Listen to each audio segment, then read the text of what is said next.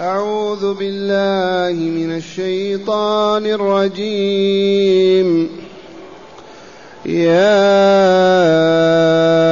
أيها الذين آمنوا اذكروا الله ذكرا كثيرا وسبحوه بكرة وأصيلا. هو الذي يصلي عليكم وملائكته ليخرجكم ليخرجكم من الظلمات إلى النور. وكان بالمؤمنين رحيما. تحيتهم يوم يلقونه سلام. وأعد لهم أجرا كريما. أحسنت. معاشر المستمعين والمستمعات من المؤمنين والمؤمنات قول ربنا جل ذكره يا أيها الذين آمنوا هذا نداء الله تعالى لكم أيها المؤمنون والمؤمنات. فاحمدوا الله على أن كن أهلا لأن ينادينا الله عز وجل. والله لولا الإيمان وصالح الأعمال ما كنا أهلا لأن ينادينا الرحمن ولكن فضيلة الإيمان. صدقنا الله ورسوله وصدقنا بالله وبرسوله وبما أخبر الله به وبما أخبر به رسوله. فأصبحنا مؤمنين صادقين. فشرفنا الله عز وجل وها ينادينا يا أيها الذين آمنوا. وأعيد إلى أذهان المستمعين والمستمعات أن نداءات الرحمن لعباده المؤمنين لن تكون لغير علم ومعرفة أو فعل وترك. فهو ينادينا ليعلمنا ما نحن في حاجة إلى العلم به. ينادينا ليأمرنا بما فيه كمالنا وسعادتنا. ينادينا لينهانا عما فيه ضررنا وفسادنا شقاؤنا وخسراننا. ينادينا ليبشرنا فنستبشر ونطيع الله ونزيد في طاعته وطاعة رسوله ينادينا ليحذرنا ويخوفنا من عواقب الأمور وذلك لأننا أولياء. فيحب لنا ما في سعادتنا وكمالنا. وهؤلاء نادانا الآن يا أيها الذين آمنوا ليأمرنا بأعظم عبادة ألا وهي ذكر الله. يا أيها الذين آمنوا اذكروا الله كثيرا. اذكروا الله ذكرا كثيرا. كم هذا العدد؟ ما من عبادة إلا وجعل الله تعالى حدا وعدا. إلا الذكر فقط أطلقه. لا حد له ولا عد ما من عبادة إلا وجعل الله لها حدا محدودا. الصلوات بأوقاتها الصيام الحج إلا هذه العبادة ما جعل لها حدا أبدا. اذكروا الله ذكرا كثيرا. لا حد له.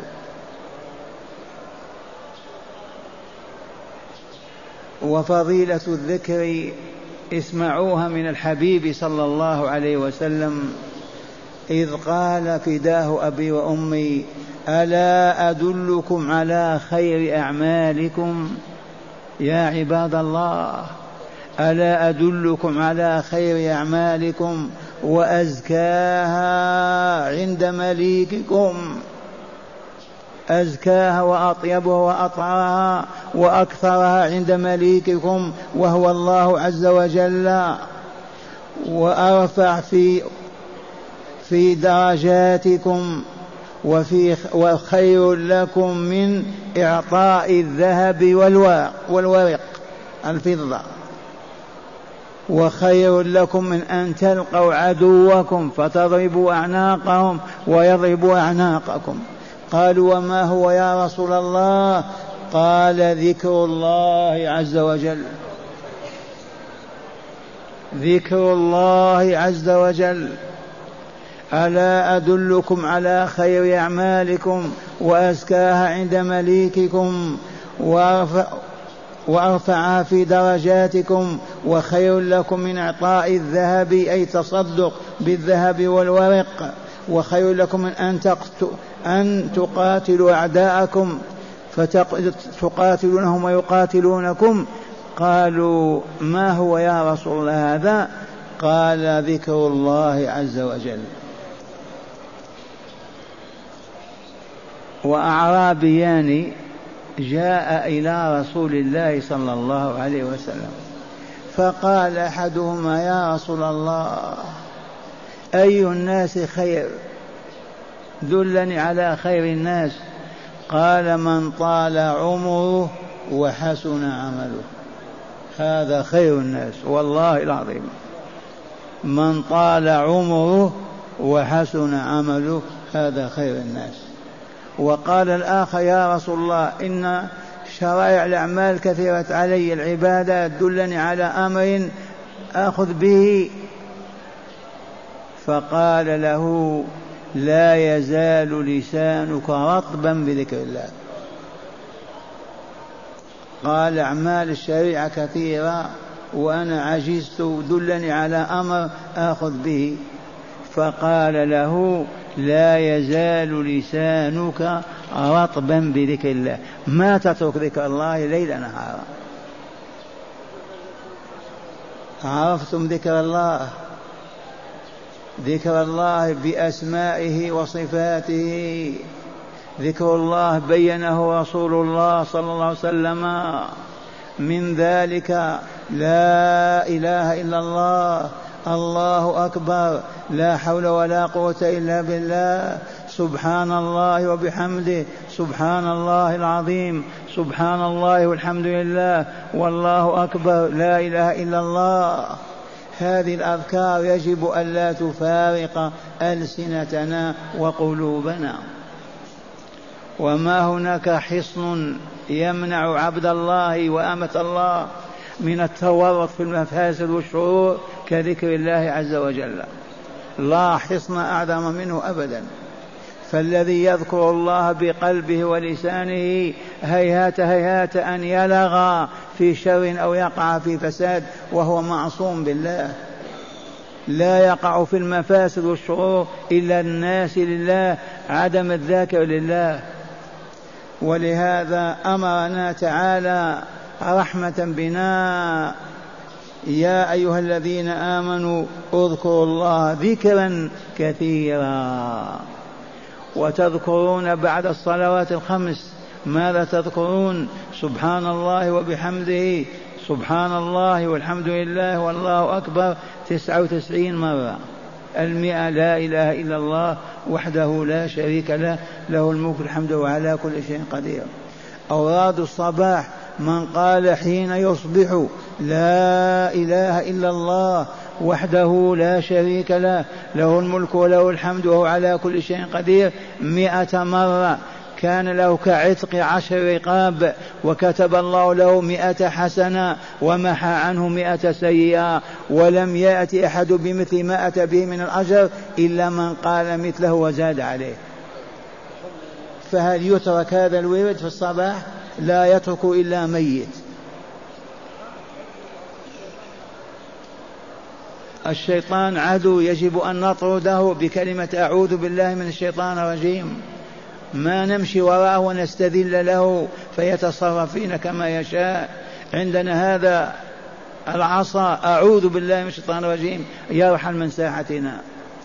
الورد الثاني من قال حين يصبح أو يمسي سبحان الله وبحمده سبحان الله وبحمده مئة مرة غفرت ذنوبه ولو كانت مثل زبد البحر. أخبروني عن مؤمن عرف ووعى ويترك هذا الذكر. والله لا يوجد. والذين ما عرفوا ما علموا هم الذين في حيرتهم وضلالهم يتخبطون. من منعهم من العلم والمعرفة الشياطين تصرفهم عن حلق الذكر وعن سؤال أهل العلم وعن مجالستهم. يجالسون أهل الباطل والشر والفساد فينسون الله والعياذ بالله. يا أيها الذين آمنوا اذكروا الله ذكرا كثيرا وسبحوه بكرة وأصيلا. البكرة الصباح والأصيل المساء من العصر إلى العشاء. سبحوه بكرة وأصيلا. وفي هذا يدخل صلاة الصبح وصلاة العصر والمغرب والعشاء. ويدخل في ذلك كل تسبيح نسبح الله تعالى به كسبحان الله وبحمده. سبحان الله العظيم. سبحان الله والحمد لله والله أكبر. وكل الأذكار والتسابيح. بكرة وأصيلا. والذين ينامون متى؟ قبل الفجر ولا يصحون إلا في الضحى. كيف يسبحون الله؟ وهذا أمر الله عز وجل. من عصى الله فيه فمن عصى الله فيه عذبه وأشقاه. أما هو أمر بهذا ولا لا؟ سبحوه أيها المؤمنون بكرة وأصيلا طول حياتكم على امتداد أعماركم ليل نهارا ما دمتم أحياء. إلا أن الذين يشهدون صلاة الصبح يكون قد أدوا هذا الواجب والذين يشهدون صلاة العصر والمغرب كذلك. وسبحوا بكرة وأصيلا. ثم قال تعالى هو الذي يصلي عليكم وملائكته. ما تتكبرون وتقولون كيف هو جل جلاله عظم صلاة يصلي عليكم. وأنتم ما تسبحونه ما تستحون يعني. هو يصلي عليكم وأنتم لا تسبحونه. سبحوا مقابل صلاة عليكم. وصلاة الله علينا رحمته بنا ولطفه بنا وإحسانه إلينا وإنعامه علينا كل ذلك هو صلاته علينا. هو الذي يصلي عليكم وملائكته أيضا الذين لا علاقة لكم بهم ولا خلقتموهم ولا تطعموهم ولا تجالسوهم ولا ولا في ملكوت السماء بلى الملائكة أمرهم أن يستغفروا لكم. اللهم اغفر لعبادك المؤمنين. اللهم اغفر للمؤمنين والمؤمنات طول الحياة. من سخرهم لهذا؟ الله جل جلاله. وهو يطلب منا أن نسبحه في الصباح والمساء ونلوي رؤوسنا كالشياطين. ولا نصلي ولا نسلم ولا نسبح والعياذ بالله. هو الذي يصلي عليكم وملائكته من أجل ماذا؟ يرحمكم الملائكة تدعو تستغفر لكم ليخرجكم من الظلمات إلى النور من ظلمات الكفر والفسق والضلال والشر والفساد إلى نور الإيمان والتقوى وصالح الأعمال. قولوا الحمد لله ربنا لك الحمد ربنا لك الحمد ربنا لك الحمد. وكان بالمؤمنين رحيما. عطاء ثالث أعظم من الأول. وكان بالمؤمنين والمؤمنات رحيما. يرحمهم في دنياهم وفي برزخهم بين حياتهم وفي الحياة الآخرة في الدار النعيم الجنة. الحمد لله. هذا ما يسبح هذا؟ هذا ما يصلى للصباح صباح مساء. ثم قال تعالى تحيتهم يوم يلقونه. ماذا؟ سلام. تحية المؤمنين والمؤمنات يوم يلقون ربهم في دار النعيم يزيل الحجاب عن وجهه ويسلم عليهم. سلام قولا من رب رحيم. والملائكة يدخلون عليهم من كل باب. سلام عليكم بما صبرتم. سلام عليكم بما صبرتم. فنعم عقب الدار. ألا وهي الجنة دار الأبرار. فنعم عقب الدار. وحتى ملك الموت إذا جاء ليقبض روح المؤمن والله لا يسلم عليه. أولا السلام عليكم. ملك الموت لما يأتي لقبض روح المؤمن الطاهرة الزكية يبدأ بالسلام. وهذا الله تعالى يقول وملائكته يصلون عليكم ويسلمون. تحيتهم يوم يلقونه سلام. ما هي التحية؟ ما هي صباح الخير؟ ولا بونسوار السلام عليكم. وجهلها الجاهلون. يلقاك في الشارع. كيف حالك؟ ما في السلام عليكم. السلام عليكم. سلام الله نقوله للمؤمنين والمؤمنات. السلام عليكم فنرد وعليكم السلام ورحمة الله وبركاته. ونسلم على الأحياء كما نسلم على الأموات. السلام عليكم أهل الديار من المؤمنين والمسلمين. أنتم سابقون ونحن إن شاء الله بكم لاحقون. وإنا لله وإنا إليه راجعون. هكذا نسلم على الموتى في مقابرهم. هل الغافلون عن ذكر الله يذكرون الله ويسلمون كالأموات لا حياة لهم فلهذا معشر المستمعين والمستمعات ما ننسى ابدا أننا خلقنا لمهمة ألا وهي ذكر الله وشكره. فمن رفض ذكر الله وشكره بلسانه وجوارحه فقد كفر الله وغطاه وجحده وأنكره وكذب به وبعد ذلك مآله مصيره الخسران الأبدي. ألا ذلك هو الخسران المبين.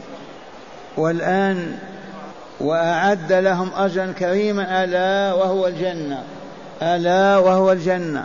الأجر مقابل عمل وإلا لا؟ فالذين ما ذكروا الله ولا عبدوا لهم عمل أي عمل يؤجرهم عليه؟ هذا للمؤمنين الذاكرين والذاكرات الشاكرين والشاكرات أعد لهم وهيأ وأحضر لهم أجرا كريما. ألا والله إنه الجنة. هذا هو الثواب هذا هو الجزاء هذا المقابل للعمل عمل الدنيا مقابله في الآخرة. الجنة دار النعيم دار الأبرار والمتقين. معاشر المستمعين أتمم الرسالة التي بدأناها بالأمس. هذه الرسالة لو تذكرون أن دروسي طول العام حولها. أذكركم. أما نقول لا يمكن للإنسان أن يكمل ويسعد إلا إذا عرف الله وآمن به وعرف شرائعه وأحكامه وعبده بذلك. فالذين ما يعرفون الله ما يحبونه. فالذين ما يعرفون الله والله ما يخافونه. ومن لا يحب الله ولا يخافه يعبده مستحيلا يعبده. فلا بد من معرفة الله. معرفة يقينية بأدلة الكتاب والسنة بأدلة الكون والكائنات. الكلها تشهد أن لا إله إلا الله وأن محمد رسول الله. ثم بعد ذلك لا بد من معرفة محاب الله. إن لله محابة يجب أن يعرفها المؤمنون والمؤمنات من أجل أن يحبوها بحب الله تعالى. وإن كانت أقوالا قالوها أفعالا فعلوها عقائد اعتقدوها. كذلك يجب أن نعرف ما يكره الله من الصفات من الذوات من الأقوال من الأفعال من الاعتقادات. معرفة يقينية حتى نهجرها ونتركها ونبتعد عنها. فهذه رسالة هذه خلاصتها. بالأمس عرفنا محاب الله ومكارهه من الصفات والذوات والأفعال وإلا لا. والآن رابعة رابعا, الصفات والذوات. الصفات والذوات المحبوبة لله تعالى ما هي؟ والتي يجب على المؤمن حبها لحب الله تعالى لها. هي أولا الصفات أولا الصفات وهي أولا حسن الخلق. الله يحب حسن الخلق. فأحبب يا عبد الله حسن الخلق. ثانيا التواضع. الله يحب التواضع. فاحب التواضع يا عبد الله وتواضع. ثالثا الأدب.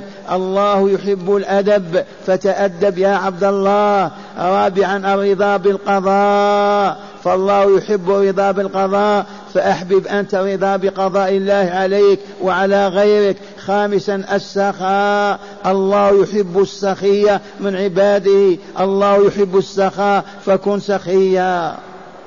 وثانيا الذوات والمراد بها الأرواح وهي أرواح عباده الصالحين من الأنبياء والصديقين والشهداء والصالحين والمطيعين لله تعالى ورسوله. هؤلاء أرواحهم يحبها الله فأحب أنت هؤلاء واحببهم في أرواحهم. والصفات والذوات المكروهة لله ما هي؟ والتي يجب على المؤمن كرهها لكره الله تعالى لها وهي اولا الكبر والعياذ بالله. الكبر والعياذ يكرهه الله يجب أن نكرهه. ثانيا سوء الخلق والعياذ بالله يكرهه الله يجب أن نكره سوء الخلق. ثالثا السخط والعياذ بالله وعدم الرضا فنكره السخط رابعا عدم الرضا بالقضاء فنحب الرضا بما قضاه تعالى علينا. خامسا الحسد يكرهه الله فلنكرهه. سادسا البخل والعياذ بالله فلا نحب البخل ولا البخلاء. سابعا الشح والعياذ بالله نكرهه لكره الله تعالى له.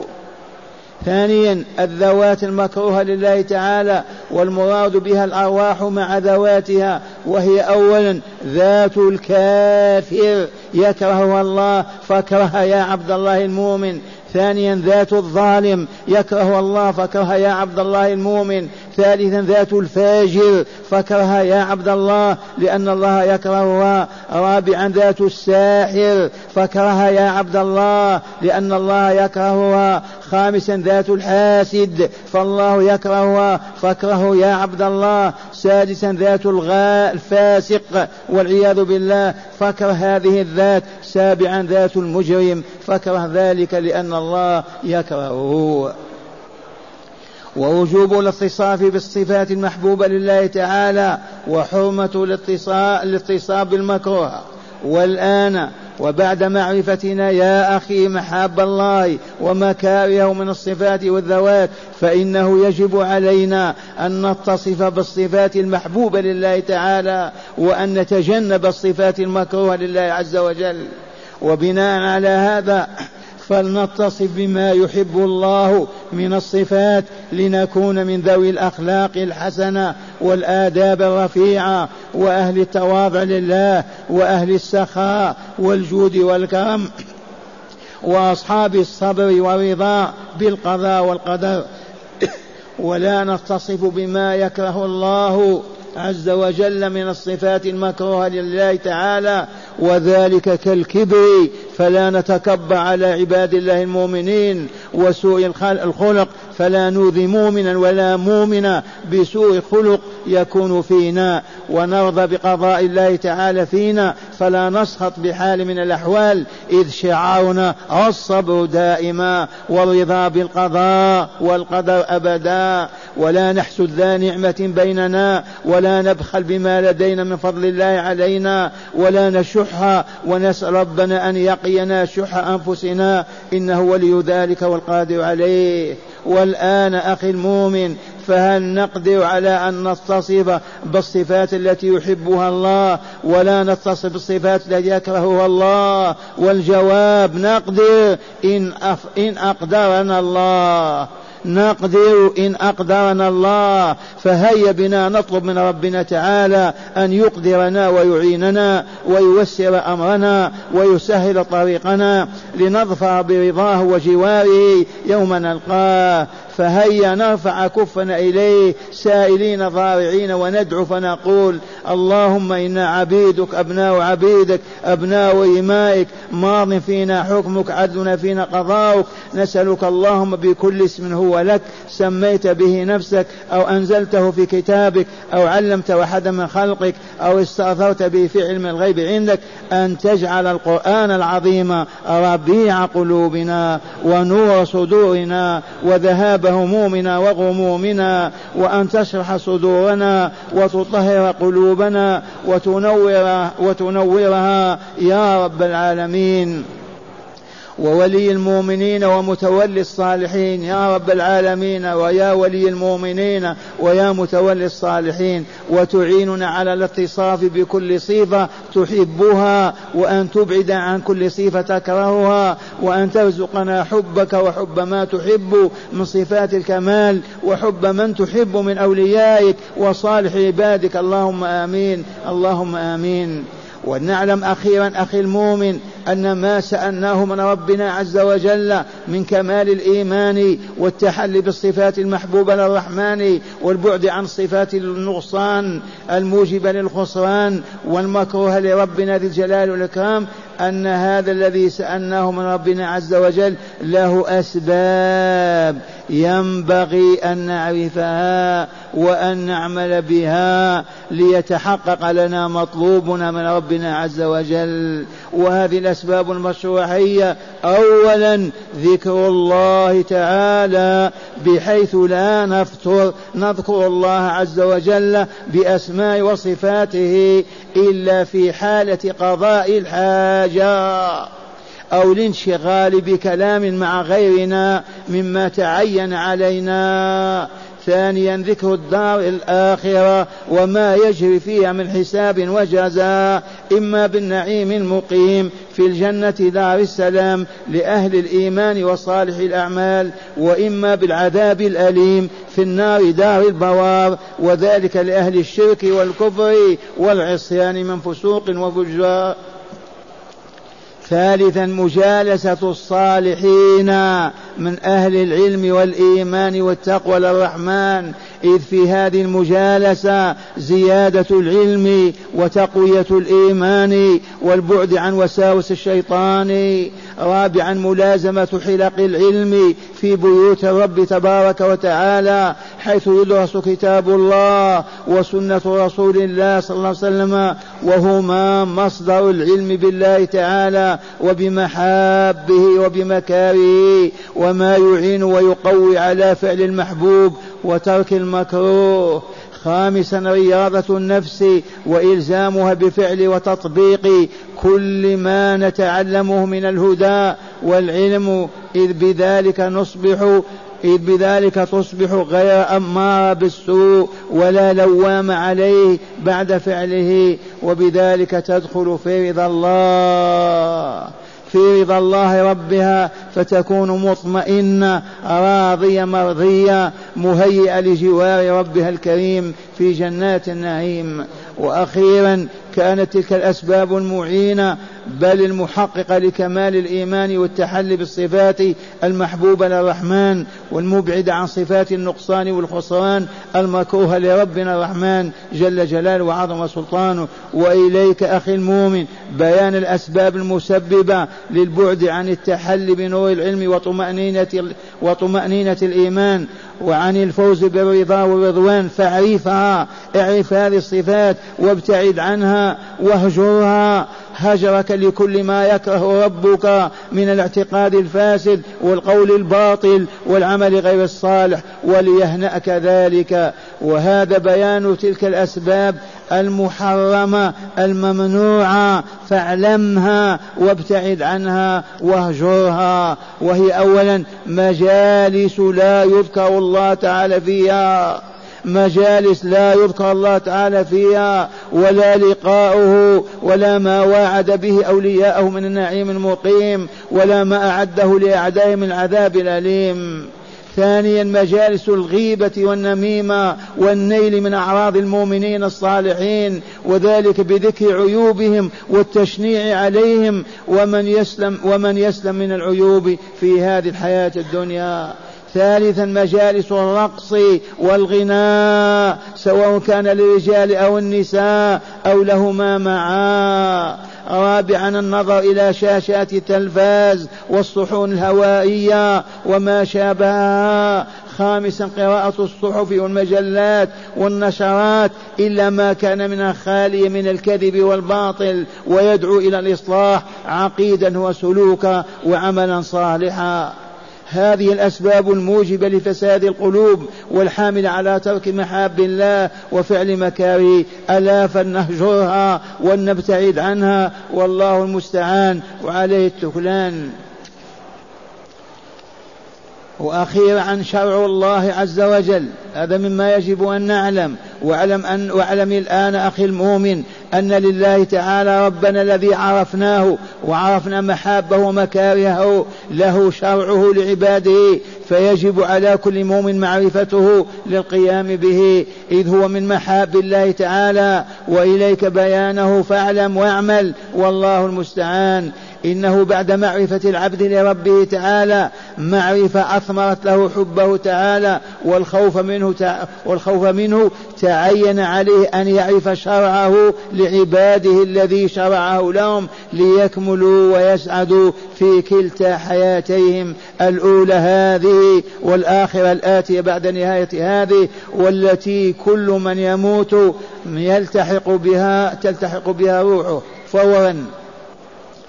وشرع الله هو ما أنزله تعالى في كتبه التي أنزلها على رسله وما أوحاه إليهم من آدم أبي البشر إلى خاتم انبياء ورسله محمد صلى الله عليه وسلم ومن الكتب التي أنزلها والموجودة اليوم التوراة والزبور والإنجيل والقرآن العظيم فالتوراة أنزلها على موسى والزبور على داود والإنجيل على عيسى والقرآن على محمد صلى الله عليه وسلم كل كتاب من هذه الكتب يحمل شرع الله لعباده ثم هو تعالى ينسخ ما شاء من الكتاب الأول لما ينزل لما ينزل الثاني فما كان من الشرع في التوراة نسخ بعضه بالإنجيل وما كان بالإنجيل نسخ بعضه بالقرآن وهو آخر الكتب المنزلة الحاوية للشريعة الإلهية.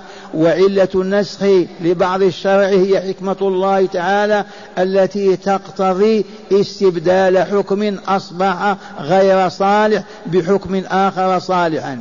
وذلك لاختلاف الظروف والأزمنة وأحوال العباد وما تطلبه حياتهم من سعادة وكمال. وشاء الله تعالى أن يختم رسالاته برسالة النبي محمد صلى الله عليه وسلم وشرائع بما شرع في آخر كتبه وهو القرآن وما أوحى إلى خاتم أنبياء ورسله محمد صلى الله عليه وسلم فلا شرع اليوم لعباد الله ليكملوا ويسعدوا إلا ما حواه كتاب كتابه القرآن وما بينه لعباده محمد صلى الله عليه وسلم. فلذا لا يصح العمل بما في غير القرآن وبيان المنزل عليه محمد صلى الله عليه وسلم. وذلك لنسخ الله تعالى لكل ما شرع في كتبه السابقة. وإيقاف العمل بها لعدم صلاحيتها في إكمال الإنسان وإسعاده في آخر الزمان. وهذا بيان ما شرع الله لعباده ليكملوا ويسعدوا في الحياتين. اولا شهادة أن لا إله إلا الله وأن محمدا رسول الله وذلك بأن يقول المرء رجلا كان أو امرأة أشهد أن لا إله إلا الله أي أعترف على علم أنه لا يوجد إله يستحق أن يعبد في الأرض ولا في السماء إلا الله. ربي ورب كل شيء ومليكه. وأقول معترفا عالما أن محمدا رسول الله أرسله الله إلى الناس كافة لتعليمهم ما يحب أن يعلموه والهداية من الاعتقاد وقول وعمل ما يسعدهم في الحياتين. ثالثا الطهارة وهي الغسل والوضوء. أما الغسل فهو أن يغسل المرء جسده كله بالماء الطاهر وأما الوضوء فهو أن يغسل المرء كفيه ثم يغسل فاه ثلاثا وأنفه ثلاثا ثم يغسل وجهه ثلاثا ثم يغسل يده اليمنى إلى الذراع ثلاثا ثم اليسرى كذلك ثم يمسح رأسه ثم أذنيه مرة واحدة ثم يغسل رجله اليمنى إلى الكعب ثم اليسرى كذلك. ثالثا إقام الصلاة وهي خمس صلوات في اليوم والليلة وهي الصبح والظهر والعصر والمغرب والعشاء ويصليها كما صلاها رسول الله صلى الله عليه وسلم وبينها لأمته. رابعا إيتاء الزكاة وهو أن يخرج قدرا معينا من ماله الصامت كالذهب والفضة أو الناطق كالأنعام وهذا القدر المعين بينه رسول الله صلى الله عليه وسلم فليعرفوا كل مؤمن ومؤمنة ليؤديه كما بينه رسول الله صلى الله عليه وسلم. خامسا صوم رمضان وهو الإمساك عن الأكل والشرب والجماع طوال شهر رمضان من طلوع الفجر إلى غروب الشمس. سادسا حج بيت الله الحرام على الكيفية التي بينها رسول الله صلى الله عليه وسلم لأمته وحج عليها. نتائج هذه العبادات وآثارها. إن لهذه العبادات نتائج وآثارا لا توجد ولا تتحقق إلا بها. من ذلك أن الطهارة تساعد على صلاح الجسم وحفظه. وأن الصلاة تزكي النفس وتطهرها وأن الزكاة تزكي النفس وتساعد على ترابط المؤمنين وحفظ قولهم ومحبتهم وأن الصوم يزكي النفس ويصحح الجسم وأن الحج يزكي النفس ويطهرها ويكسب الحجاج منافع علمية ومادية كثيرة. ومن جملة ما شرع الله تعالى لعباده في كتابه وبيان رسوله الجهاد فما هو الجهاد الذي شرعه الله وأمر به في قوله وجاهدوا في الله حق جهاده من سوره الحج. إن للجهاد ميادين. اول إن للجهاد ميادين. الأول منها ميدان جهاد الكفار والثاني ميدان جهاد الشيطان والثالث ميدان جهاد النفس وهذا بيانها. أولا جهاد الكفار وهو أن يعد إمام المسلمين عدته من رجال وسلاح ثم يغزو أقرب بلد للكفار وقبل قتالهم يقدم لهم الطلبات الثلاث الآتية وهي أولا الدخول في الإسلام دين الله الحق الذي لا نجاة ولا سعادة للإنسان في الدنيا ولا في الآخرة إلا عليه وهو الإيمان والعمل الصالح. وترك الشرك والمعاصي فإن أبوا الدخول في الإسلام قدم لهم الطلب الثاني وهو دخولهم تحت دولة الإسلام والالتزام بأحكامهم بأحكام خاصة لهم. فيأمنوا على أنفسهم وأموالهم وأعراضهم ويشاهدون الإسلام وآثاره الطيبة ونتائجه المسعدة فيدخلون في الإسلام فيكملون ويسعدون فإن أبوا قدم لهم الطلب الثالث وهو قتال رجالهم حتى ينهزموا ويدخلوا تحت راية الإسلام. به جهاد الشيطان وهو الاستعاذة بالله تعالى منه وعدم طاعته فيما يزينه للمرء من الكفر والمعاصي وما يمنيه له من السوء والباطل والإعراض عن كل ما يزينه ويدعو إليه. ثالثا جهاد النفس وهو ما تأمر به من السوء وحملها على فعل محاب الله تعالى وعلى ترك مكاره من الاعتقاد والأقوال والأعمال والصفات والذوات والصبر على ذلك حتى تصبح لا تحب إلا ما يحب الله ولا تكره إلا ما يكره الله جل جلاله. وبذلك تسمى النفس المطمئنة. ومن جملة ما شرع الله تعالى الإحسان. فما هو الإحسان؟ إنه ثلث الدين الإسلامي. إذ الدين الإسلامي إيمان وإسلام وإحسان والإيمان هو التصديق بالله وبكل ما أمر الله تعالى بالإيمان به. والإسلام هو إسلام القلب والجوارح لله تعالى. والإحسان هو عبادة الله كما أمر بها وبينها رسوله صلى الله عليه وسلم مع مراقبة الله تعالى في أدائها حتى كأنه يرى الله تعالى أو أن الله يراه وبذلك يحسن أداءها فتثمر له زكاة نفسه وطهارتها ويصبح أهلا لرضا الله تعالى ومواكبة أهل الجنة دار النعيم المقيم من النبيين والصديقين والشهداء والصالحين. ومبادئ وميادينه والإحسان وللإحسان ميادين منها أولا الإحسان إلى الوالدين وذلك ببرهما وإيصال الخير إليهما وطاعتهما في المعروف لا في المعصية. وعدم أذيتهما بأي أذى ولو كان كلمة أف ثانيا الإحسان إلى الأقارب وهو بذل المعروف والخير إليهم وعدم أذيتهم بأي أذى وأداء نفقة من وجبت نفقته وإرشاد ضالهم وتعليم جاهلهم وتعزية مصابهم ووصيتهم بالصبر وتقوى الله عز وجل. ثالثا الإحسان إلى كل إنسان. الإحسان إلى كل إنسان وذلك بإيصال الخير إليه ودفع الأذى عنه. رابعا الإحسان إلى الحيوان وذلك بإطعامه إذا جاع وسقه إذا عطش وعدم تحمله ما لا يطيق ويقدر عليه مع عدم أذيته بضرب ونحوه. الأمر بالمعروف والنهي عن المنكر. مما شرع الله الأمر بالمعروف. إن الأمر بالمعروف هو ما شرعه الله تعالى لعباد المؤمنين ليكملوا ويسعدوا من اعتقاد وقول وعمل. فإذا المؤمن فإذا رأى المؤمن أخا له في الإسلام تاركا لمعروف ذكره به وطلب إليه برفق أن يفعله. النهي عن المنكر. إن المنكر هو ما نهى الله تعالى عنه عباده المؤمنين ولم يأذن لهم في اعتقاد كان اعتقادا ولا في قول كان قولا ولا في فعل كان فعلا. ومن هنا وجب على كل مؤمن أن يعرف أوامر الله تعالى ونواهيه وأن يفعل الأوامر ويترك النواهي. ثم إذا رأى مؤمنا تاركا لمعروف أمره بفعله أو فاعلا لمنكر أمره بتركه برفق ولطف وإحسان. وأخيرا البيعة بيعة إمام صالح وهذا بيان ذلك. هذا مما شرع الله لنا بيعة إمام صالح.